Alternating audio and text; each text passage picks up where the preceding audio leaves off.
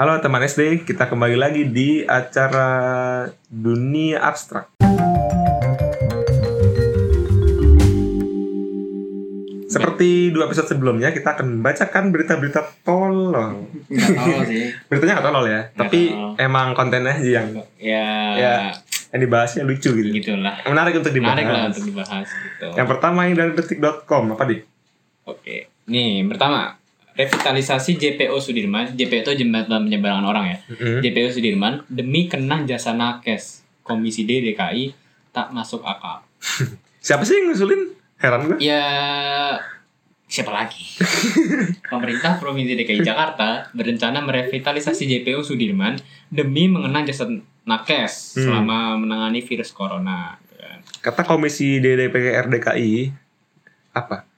Ini biar biar masyarakat masyarakat. yang menilai apakah itu benar atau tidak. Tapi menurut saya ini tidak masuk akal kata komisi, komisi D ini nggak masuk akal nih kata komisi D. Nih sebentar nih Hmm. kita lihat dulu kapan mau dibangun ceritanya nih. Berencana karena hmm. Oh nggak dijelasin pak kapan rencananya. Baru rencana doang Baru ya? rencana, baru rencana revitalisasi. Oke lah. Jadi gini loh. Eh kan bikin JPO gitu Pak di Sudirman revitalisasi lah direnovasi kan ibaratnya kan. Hmm. Ya berapa dana itu loh? Banyak kan? Nggak gini loh maksudnya. eh emang apa sih ngaruhnya ke nakes tuh apa? Iya kenang, iya kenang. Apakah dengan lu bikin ini jembatan untuk kenang nakes apakah dia diuntungkan? Menurut gua enggak, enggak diuntungkan. Enggak Apa- ini juga gini loh maksudnya apa ya? Eh berita ini maksudnya rencana ini Iya. muncul di saat masih di tengah-tengah Pandemi. Di mana orang juga pada sibuk, apa maksud, tenaga kerja juga pasti pada benar. Mm. Jadi kenapa? Gue sih lebih nanyanya kenapa rencana ini muncul saat-saat seperti ini gitu loh. Maksudnya gini loh. Gimana juga nggak duit kan juga seret ya pak ya? Iya duit lagi seret. Terus tiba-tiba ada rencana nih bikin wah gitu lagi.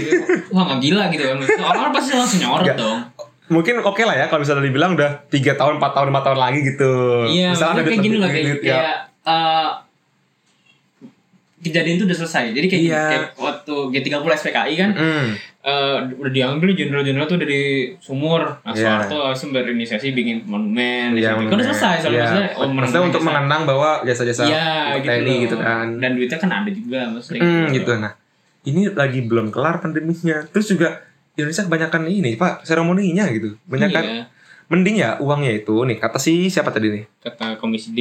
Iya, mending uangnya itu bisa diberikan untuk ini loh, dialihkan untuk bikin rumah sakit atau enggak revitalisasi rumah sakit itu. Rumah sakitnya diperbanyak karena banyak orang yang nggak dapat ka- kasur. Lu tau gak yang ceritanya nih? Orang meninggal covid di rumah sakit karena dia duduk. Jadi nggak ada serius, serius pak. Pengen ketawa nggak enak. Jadi gini, dia dia sakit, terus dia ke rumah sakit, dirawat di rumah sakit, tapi nggak ada kasur. Dia duduk di info sambil duduk. Meninggal pak. Masa duduk mending kalau cuma sejam dua jam pak. Berhari-hari dirawat duduk. Buset. Gitu Aduh. loh. Enggak ini mungkin emang sebenarnya rencananya mungkin setelah nanti Iya, gitu ya. Cuman paham. nggak usah diomongin sekarang. Maksudnya ini Iya. isu, sebuah isu sensitif. bikin gitu iya bikin heboh Isu gitu sensitif sebenarnya. Jadi mending iya mending uangnya juga kalau sekarang ini mending untuk ya untuk ini mungkin keluarga-keluarga yang ditinggalkan sama si nakes Ya, ini mungkin diberi apa tadi itu penghargaan ataupun ya misalnya anak-anaknya dikasih dijamin sampai kuliah gitu kan Iya bisa. iya, bisa kan? Jadi begitu lebih bermanfaat. iya bermanfaat kalau untuk pengen menghargai si nakes ya Iya. gitu dibandingin JPO gini aduh Insentif kayak apa kayak jangan nyari proyek mulu lah udah lah udah oke lanjut lanjut lanjut Lanjut, lanjut. Aduh, ini yang kedua. eh tadi aja ini aja kedua berhubungan sama Jakarta juga Oh iya, hubungan sama Jakarta. Kita kembali lagi. kelakar Gubernur Anies kalau mau bebas macet jalanlah jam 2 pagi Bener sih. bener sih Kan kelakar. Kelakar tuh apa sih, Pak? Kelakar tuh? Oh, bercanda. Iya, dan, dan. Jadi si Anies lagi ngebahas ini dia ngebahas tentang apa eh, the buku isinya tuh foto-foto untuk ini pak dokumentasi Jakarta saat situasi covid ini. Hmm. Jadi kan ada foto Sudirman sepi gitu kan Hmm. pas kemarin gitu. Nah itu asli dia ngomong kayak gitu deh. Ngomong-ngomong kalau kalau mau sepi ya jam 2 pagi. Ya bener sih. Bener sih. Eh, mungkin ini eh, kelakar ini bisa diterapkan, Pak. bisa maksudnya? Ya PSBB pak nggak boleh. Oh iya, PSBB. Nggak boleh keluar jam 2 pagi pak. Iya, iya, iya, iya. Saya juga Ya. masih saya juga masih ya ini nggak tahu ya bener atau enggak tapi saya masih bingung pak. Kenapa tempat-tempat itu jam 8 malam jam 7 jam 7 malam udah tutup pak. Oke, kalau mungkin tujuannya untuk klub-klub malam, kafe-kafe malam gitu, orang nongkrong malam-malam ditutup gitu pak ya, biar orang nggak ada kegiatan malam hari gitu untuk mencegah covid. Tapi kalau misalnya kayak counter HP ngapain tutup gitu? Gue gak bingung sebenarnya. Counter HP relasinya apa sama korelasinya apa gitu sama orang rame-rame? Apakah ada judi gitu? Indomaret sih pak Indomaret juga iya aneh kan? Apakah sebenarnya gini loh pak itu emang juga? gini loh oke eh, pembatasan waktu aktivitas ngaruh nggak sih maksudnya kayak gimana gini loh maksud gue tuh anggap ini ini agak sedikit melenceng dari Iya, pembahasan ini berita cuman ini kan berkaitan dengan PSBB kan Iya. eh gini loh maksudnya oke eh gue tuh pernah makan di abnormal kan Bintaro Oh, Bintaro, ya. ya kan dia tuh biasa buka jam 10 pak Heeh, tutup jam 10 malam heeh. apa 24 jam kalau nggak salah 24 jam lah gitu 24 jam ya, awal-awal dulu. Iya, atau enggak jangan abnormal deh itu kan 24 jam ya. Mungkin yang lain apa ya? Adalah beberapa tempat makan gitu Hmm. usah disebut. Dia normal buka jam 10 gitu kan. Hmm. Selama PSBB dia tutup jam 7 malam yang aslinya jam 9 atau jam 10. Hmm. Tapi, tapi nih Pak, diakalin sama dia. Bukanya lebih cepat. Iya. Ini sama aja, maksudnya kayak gini. Bukan sama aja, maksudnya oke dibatasi orang nggak boleh jam 7 malam. Emang Covid maksudnya mengenal waktu gitu. Iya. Mungkin gini kali tujuan awalnya biar orang tuh aktivitas nggak kelamaan di luar. Kan kalau kelamaan di luar jadi orang nggak nggak ini. daripada daripada nih ya maksudnya gue tuh oh, jujur aja maksudnya kayak di lapangan tuh nggak gitu maksudnya kayak Iya. Aslinya pun dia juga orang membatasi waktu jam operasional Mm-mm. nah enggak harusnya tuh dibatasi benar-benar Kapasitas, jumlah kapasitas, kapasitas, benar. Mau lu sampai jam 1 malam sampai jam apa-apa satu sebenarnya. nggak apa-apa gitu loh Karena ya sama-sama aja ada covid juga. iya gitu loh maksudnya Heeh. kayak kemarin mohon maaf nih Mm-mm. saya sebenarnya salah satu masyarakat yang membandel juga gitu loh Ya, semua ada sempurna lah gitu. Iya. Saya pun juga penyintas. Karena tantan kena. ada tuh sempat keluar keluar gitu loh Heeh. Eh, tempat makan gitu kan Hmm. Emang jam 7 malam tutup pak Mm-mm. Maksudnya gue kita sampai tutup tuh Tapi Tapi Kan meja disilang pak iya. Nggak ada ngaruh. Eh, Harus empat orang jadi dua orang Iya. Nggak ngaruh pak Nggak ngaruh, Pak. Udah duduk berempat Betul, Pak. Terus tuh, Saya tuh lihat lihat di pintunya pak Hmm. Eh, Kapasitas normal 250 orang misalnya Mm-mm. Kapasitas PSBB 25 orang Yang masuk 25 orang pak Lebih pak kayaknya rame Gak mungkin, kemarin. 25 orang tuh gak mungkin, Pak. Apa ya kalau gede ya tempatnya? Iya jadi lah, Bang. jadi Lebih lah. kayak Ya ya nggak Dia nggak nunggu bisa. nunggu dibubarin. Lagi pula ya, menurut saya nih, Pak. Teman saya nih, pengalaman aja, dia cerita sendiri. Selama PSBB ini juga klub malam masih buka sebenarnya. Cuman kamera ditutupin. Jadi orang nggak story. Beneran nih, beneran. Jadi gini loh, orang-orang tuh Pol PP ataupun berbagai macam aparat tuh dia mereka eh, bubarin tuh cuma orang-orang kecil doang. Yang justru itu paling berdampak gitu. Covid itu berapa bagi Iya, mereka? kalau lu nutup klub malam, nutup restoran tuh yang gede-gede tuh ya ini apa namanya? Ya masih kaya lah dia ibaratnya gitu ya. Hmm. Ini counter HP, warung di pinggir jalan, warung kopi gitu ya ampun pak. Ya emang itu kerjaan dia. Itu loh, dari situ emang duitnya. Aduh, ini Aneh juga lah kita ya. lihat beritanya lagi nih. Udah itu Ya, doang. pokoknya ya, pokoknya dia bilang nih kalau dia membandingkan PSBB dengan sebelum PSBB kan Anies Iya. nih. Hmm. Wah pas PSBB sepi. Hmm. Ya kalau lu nggak mau mati dia jam 2 pagi jalan. Jam 2 pagi. Ya, bercanda, bercanda nggak apa-apa lah. Tapi banyak tahu sekarang orang jam 2 pagi di pinggir jalan trotoar temen gua kemarin begitu dia ngomong. Nggak nggak tahu ngapain. Ngapain ya? Nggak tahu nongkrong aja. Kan emang aneh sih orang-orang. Gitu lah. Lanjut pak, lanjut pak. Lanjut lanjut di mana ya? Yang ini aja nih. Oke. Dari Kompas masih dari Kompas. Dari Kompas juga nih. Ini aneh sih. Bukan aneh sih. Makalah Miris sebenarnya pak. Iya, makalah makalah calon hakim agung Triyono Martanto diduga plagiat saat seleksi DPR. Hmm. Kalau dari judulnya aja dah. Ya, udah Hmm. gimana ya? Komisi 3 DPR menduga makalah calon hakim agung Kamar Tata Usaha Negara Khusus Pajak Triyono Martanto hasil plagiat. Tudingan itu mulainya mulanya disampaikan anggota fraksi PDIP Ihsan Sulistio dalam fit and proper test atau uji kepatutan dan kelayakan calon hakim agung untuk Mahkamah Agung. Hmm, hakim agung. Nih, pokoknya Iksan mengatakan terdapat paragraf dalam makalah yang ditulis Triyono yang mirip dengan paragraf yang terdapat pada jurnal hukum yang ditulis Rio Bravesta dan Sofian Farhadi pada 2017. Wah, lupa parafrase Kak. Gini pak, kita aja nih pak ya, mohon maaf nih, belum lulus satu nih. Memulai tugas doang disuruh cek apa? Plagiat kan? Iya. Yang mana sebenarnya kita pun ya nggak sepasti ya jauh di body ya otaknya gitu. Mereka udah calon apa? Calon Mahkamah Agung, Hakim Agung pak. Plagiat. Hmm. mungkin gini sih eh, apa ya kemirip soalnya gini ia meminta Sedap menjelaskan kepada komisi 3 terkait kemiripan tulisan mungkin dia lupa parafrase kali parafrasenya kurang banyak kali Mungkin ya. jadi eh, ya kelihatan hampir sama kan identik gitu.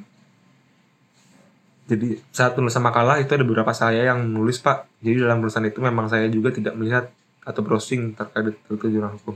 Jadi kalimat yang dikutip itu sebenarnya istilah banyak mengutip dalam UU pak.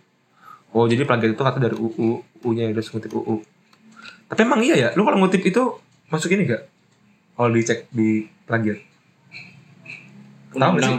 Apa Enggak, kalau plagiat eh, di browser itu, di web itu. oh Tahu nggak sih? Ada kan tuh yang untuk cek-cek itu. gue nggak akurat sih pak katanya Nah, akurat ya iya makanya. Orang gue bikin sendiri juga kadang-kadang plagiat. Kesel banget. iya anjir Iya kan? ya jadi gitu sih eh, Berdasarkan jalur uji kepatutan, Mungkin gini ada sih. di jalan hakim agung. kalau gue ngeliatnya eh diduga plagiat itu maksudnya mungkin ya gimana ya kita sebenarnya nggak apa-apa ngambil tulisan orang gitu cuman kan harus Kan, nyantumin- ya kalau itu mah kita mengutip, Pak, bukan kan plagiat. apa sih definisi plagiat mencuri kan maksudnya kayak mencuri, berarti lu kata-kata orang lu jadi kata-kata lu. Maksudnya tapi ini tanpa ya oke jadi jadi kata-kata orang eh dari kata-kata orang jadi kata-kata lu seakan-akan dari lu gitu plagiat. tapi makanya gunanya kutipan apa Iya. referensi Iya. dan pengutipan itu kan gitu kan Harus jelas juga untuk mencegah plagiat kan Heeh. dan parafrase dikutip oleh parafrase gitu kan mungkin dia lupa gitu di situ Mungkin. jadi Iya sih gitu ya, Pak ya. Tuh. sih gitu ya Semoga aja ini eh, salah ini ya. Semoga maksudnya Ya. salah si yang mengeceknya. Semoga nggak plagiat gitu. Iya, semoga aja nggak plagiat. Jangan Mungkin sampai salah lah. persepsi aja kali. Iya, substitusi doang ya. Iya, mungkin. Lanjut, lanjut, lanjut.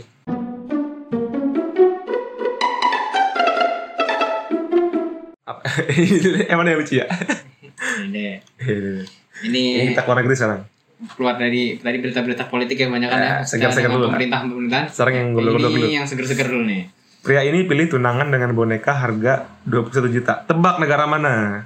Kayak ketebak sih menurut gua. Ya, pasti Cina, Pak. Enggak. Eh, Jepang, eh Jepang ya? Hong Kong. bener, Pak. bener bener Jepang. Oh, Cina. si Tianrong memutuskan untuk tunangan dengan boneka seks yang diberi nama Mochi. Bahkan si tidak segan-segan memberi hadiah Mochi berupa gawai iPhone 12. Aduh. Si bertunangan dengan Mochi awal bulan ini dalam sebuah acara yang dihadiri oleh teman dan keluarga. Namun si mengklaim tidak ada hubungan seks dan bahkan tidak akan mencium Mochi karena takut akan merusak kulit sensitif Mochi. Anjir. Aduh. Namanya aja boneka seks ya tujuan untuk bikin itu ya. Setelah itu setelah itu si mencurahkan seluruh waktu dan perhatiannya untuk Mochi. Dia Hmm. mengungkapkan setiap malam Mochi duduk di kursi di samping tempat tidur saat dia tidur dan dia memandikannya dengan kain lembab. Kok gua miris ya? Bener. Gue miris ya katanya ya. Ya mungkin ada Gila pak, kelainan. bisa jadi selain kelainan ya, bisa jadi ya. Gue mohon maaf nih para feminis takutnya ribut nih. Bisa jadi dia habis terluka pak sama manusia cewek beneran gitu, orang cewek beneran. Oh. Terus dia bisa jadi pelariannya emang jiwanya agak salah pasti ya. Jadinya sama boneka aja lah, gak ada masalah gitu. Mungkin ya, cuma lanjut lagi gak? punya trauma ya punya trauma Bisa gitu ya. jadi loh. punya Lu tau gak orang gay juga banyak yang trauma sebenarnya.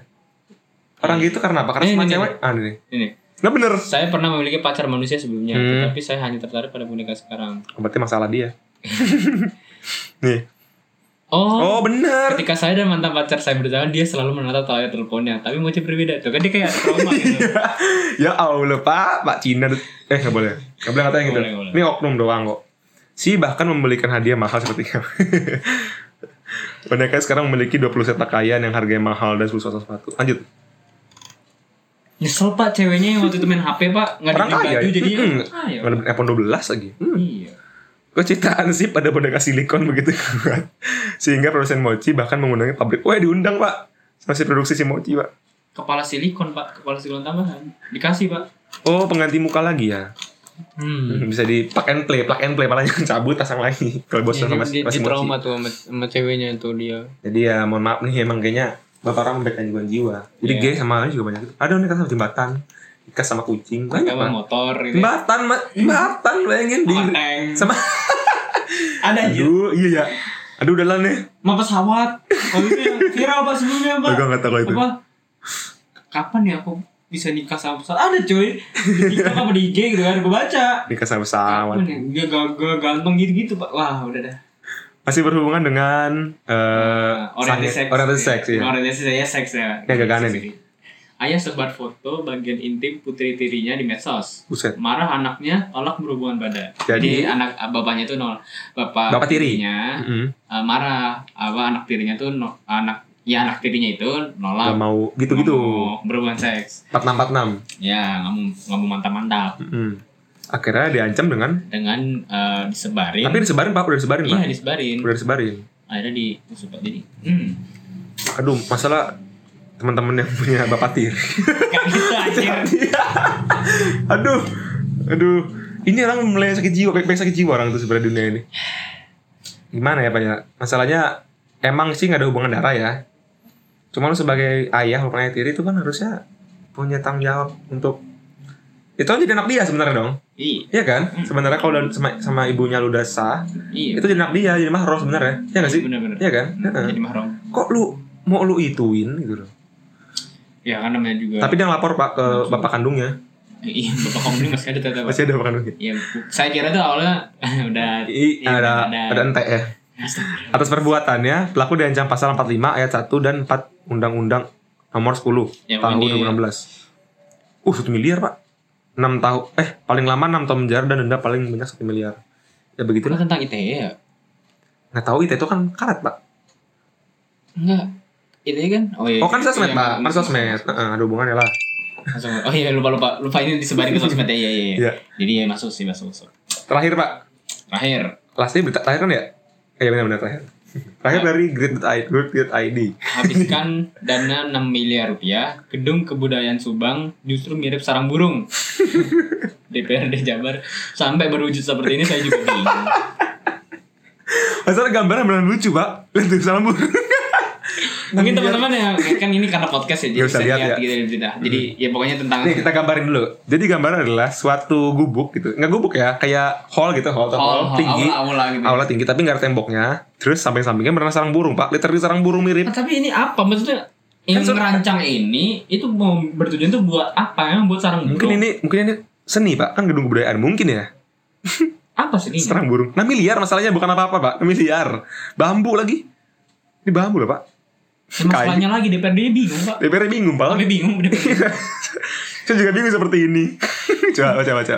Gedung kebudayaan milik Prov- milik Provinsi Jawa Barat di kawasan hutan kota Rawang Ranggawulung Kabupaten Subang menjadi sorotan. Melansir dari tribunnews.com, hal itu karena gedung kebudayaan dibangun dengan bentuk yang tidak layak. Pembangunan gedung tersebut juga banyak menuai kritik dari para budayawan dan aktivis mahasiswa di Jawa Barat. Berarti nggak seninya, Pak. Pasalnya, Pasalnya gedung yang dibangun dengan APBD provinsi melalui Dinas Hmm. Pariwisata dan Kebudayaan Provinsi Jawa Barat mencapai 33 miliar justru terbengkalai dan berbentuk seperti sekarang. ah, tiga tiga tiga miliar terbengkalai. Ah, maksudnya dia, Sarang dia burung. menganggarkan 3 miliar, cuma baru habis 6 miliar gitu biasanya gitu. Oh, bisa gitu ya. Ya. Bahkan seorang budayawan terutama asal Ciamis, Godi Suwarna men- dijuluk, menjuluki gedung tersebut sebagai sarang merpati. Tapi tunggu sebentar. Pasalnya gedung yang dibangun dengan APBD provinsi melalui dinas ini mencapai 33 miliar. Gedung yang dibangun. Berarti gedung ini dibangun 33 miliar, Pak, bukan 6 miliar doang. Astaga, serius lu? Aduh, Harus. Ya kalau dari diksinya seperti itu ya. kita bisa beli ini pak, sawah Cessna latihan banyak pak. Iya. Iya. Entah budaya apa yang digarap dan dipertunjukkan di Subang, kok gedungnya di- dibangun pakai bambu. Godi mendeskripsikan tentang gedung kebudayaan tersebut. Nampak deretan bangunan seperti saung, ra- saung ranggon, bangunan seperti panggung. Oh jadi eh, nampak deretan bangunan seperti saung ranggon, seperti Hmm, saung ranggon. Tapi kecil-kecil pak, jadi kayak sarang burung. Seperti panggung. Kucing mau ikut podcast? Kucingnya buat podcast nih. Kalau dilihat-lihat, kalau dilihat-lihat seperti kompleks eh, kandang merpati. Entah kuat berapa lama gedung kandang burung merpati itu karena hanya terbuat dari bambu. Anjing komplek komplek burung merpati. Keren lah, inovasi aja. lah ini. Masalahnya gede juga apa buat kandang burung Iya. anjir. Aduh, banyak halamannya lagi. Bete banget. Wah ini Aduh, lagi. pak, ini jadi jadi bertabang pak beritanya maksudnya ini. Oh, iya, iya, iya. Jadi ini, nih judulnya Katanya beda-beda. Iya, mirip sarang burung hingga jadi tempat mesum. Oh, gue pernah lihat nih. Jangan ini lagi. Berarti bukan burung merpati, Pak. bukan burung merpati, Pak itu, Pak. Burung yang lain ya. Oke oke. Hmm, Banyak hal yang kami pertanya- pertanya- pertanyakan dari awal desain konstruksi, penganggaran hingga pembangunan sampai berbunyi seperti ini. Kayak gini. Aduh, 33 miliar, 33 miliar. 33 miliar ya, bisa buat apa ya untuk negara. Gila, efek dari mana bagusnya ya? Aduh. tempat mesum. oh ini sarang burungnya tempat mesum kali ya pak? Jadi banyak gitu. Ini gede sih, Pak. Ini gede ya segede orang ya? Iya, jadi orang bisa bebas pak. Oh, kok nggak ada yang itu pernah di, gue pernah di Instagram ada orang di stadion tribun gitu pak, sepi kan? Eh, Empat enam empat enam pak, tapi nggak gitu, nggak pokoknya nggak kelihatan lah empat empat enam. Pakai drone pak disamperin, oh lucu banget. Bener kan pakai drone? Empat enam empat enam ya pak. ini 33 Aduh, miliar. siang-siang lagi. Buat jadi sarang burung doang 33 miliar. Ternyata bukan burung merpati, masih mending burung merpati pak, masih bisa hinggap situ. ya? Ini burung yang lain, Joni pak. Aduh Joni Joni. Jadi teman-teman SD nih ya yang punya Joni dijaga-jaga lah jangan. Mentang-mentang lihat sarang jangan iya, langsung teman punya disergap ada sarang burung di sini. Gawat nih. Wah ini nih, ini nih sebenarnya juga menarik sekali. Ini terakhir mungkin. Terakhir lah ini bonus juga nih. Keren pak. Waduh, waduh, waduh. Injak kepala prajurit TNI oh, di tempat karaoke. Martisen Tembani ternyata bukan preman ecek-ecek. Pernah masuk penjara karena kasus Waduh, waduh serem bos. Lu bayangin pak tentang kepala TNI Ada diinjek pak. Ngeri. Sama preman yang sering pembunuhan. Oh, jadi Prajurit TNI bernama Sertu Meldi Mangeke dikeroyok dan dianiaya oleh dua orang preman. Kok sering ya? Akibatnya sebagaimana dilansir dari kali itu TV One News, eh, Sertu Meldi mengalami kritis. Nah ini sebenarnya kasus-kasus gini sering ya? Maksudnya- Sering loh. Yang itu loh yang yang pas pernah tuh kalau geng motor yang Harley itu Oh iya iya. yang nabrak nyampe tapi nabrak sama Iya. TNI. Dihajar, Pak. Eh, dia hajar tapi nggak tahu kalau TNI, nggak tahu kalau TNI dihajar. Maksud gua, aduh, ini kan tahu ya TNI ya, dihajar preman lagi. Apa keren ya? maksudnya, eh, sebenarnya gini sih, gue ngeliat kadang-kadang tuh mohon maaf ya maksudnya bukan menjelekan TNI kita gitu, Mm-mm. cuman TNI kita tuh kadang-kadang depan umum doang sangar gitu, ngerti gak sih? Di kandang. Di, di depan doang, Oh, depan di, doang. di Hmm, depan oh, publik penampilan doang. Iya, Iya. penampilan doang sangar gitu, maksudnya Iya kalau sih. sebenarnya kan kayak ada lah kayak stigma-stigma, oh TNI nggak bisa apa susah tak nggak takut mati kalau medan Iya, perang, iya, gitu iya, iya, ya, pasti ada sih. Emang mungkin emang mentalnya seperti itu, cuman Iya, dilatih awal. di balik itu semua mesti kayak anggap kita lihat dari sisi alutsista alutsista dulu gitu loh. Iya. Pernah gue baca berita tank lagi di tol deh pak konvoy tank Hah. hujan Mm-mm. mogok pak gara-gara hujan Tanknya, mau tanknya mogok pak pakai pakai penter mesinnya tuh, Pak. gara-gara rembes airnya anjir ke mesin lu Astaga. bayangin lu lagi perang nih Hmm. hmm. wah musuh musuh hujan Enggak pak, gini aja gampang. Kata musuhnya, ah siram aja air, siram air. Bawa, pem pemadam pak. Dia bawa, kita bawa tank, musuhnya bawa pemadam, siram air, mandiin. Tanknya mati. terus eh, apa pesawat jatuh apa udah tutup maksudnya gini loh sama wah Indonesia punya banyak tank wah pesawat-pesawatnya gini Tapi nggak terawat ya? Iya, bukan nggak terlalu, maksudnya udah uzur lah, maksudnya ya. Iya sih, harusnya ada umuran lah ya. Soalnya juga gini sih, kasihan juga maksudnya TNI itu kayak gini lagi ada berita diinjek palanya lah. Nggak dihormatin banget ya. Iya, nggak ada hormat hormat Hmm. sebenarnya di ini makanya ya susah sih. Kasihan sih bener gue ngeliatnya. Kasihan TNI ya. Tapi ditahan sih ini yang pelakunya nih, wah gila sih. Virus baru nama Nipah. Apa tuh? Virus apa? Kasihan maksudnya TNI kan kita juga dengan stigma jago bela diri, jago ini teman digebukin pak. Tapi ya kalau dia berdua juga susah juga sih pak. TNI kan nggak semuanya juga jago bela diri. kan? Iya memang. Ada nggak sih di luar negeri kasus gitu? Ah, adanya polisi nembak orang hitam. ya kan? Iya sih. Kalau di luar gitu pak, kalau di Amerika pak. Orang Oh, hitam Amerika tuh gitu, jadi memang. sasaran.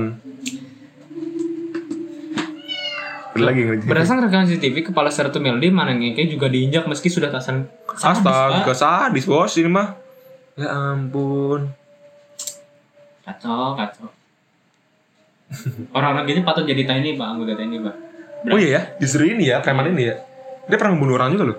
Iya, cocok Pak jadi medan di medan perang garis paling depan. Cocok. Iyalah. Jadi kalau ada apa-apa dia tuh ditumbalin. Iya, Bener pak. ketemu musuh diinjak lagi dua. Buset, takut. Siapa Nevisil juga takut sama dia. Buset. Anjing. Oke, oke. Udah lah ya, cukup udah lama nih kita Iya. baca nih. Ini aneh, maksudnya kasihan gitu lah. Oke, teman-teman jangan lupa tunggu lagi episode berikutnya karena pasti bakal ada nih episode-episode ini karena seru bahasnya pak. Banyak hal bodoh yang bisa kita bahas di sini. Di Indonesia begitu ya. Mm-mm. Kayak Squidward ngomong gitu. Kenapa media Oh, dan iya. lokal menampilkan hal-hal yang bodoh? Bener, Pak. Bener, hal Pak. Bodoh, Pak. Twitter tuh iya. Omongannya bener sebenarnya Twitter tuh. Eh, Eh, teman-teman. udah, ini dulu udah. Ini cuman hanya sekedar opini kita Ini ya. teman-teman. Ini cuma bacotan gua sama Nadip yang nggak nggak mikir-mikir lah, pikiran kita masal ngomong aja gitu. Iya, Ah, kita tetap menghargai pemerintah semua. menghargai pemerintah. Jangan langsung jilat lagi lah. Oke, Ega dan Nadip out. Thank you.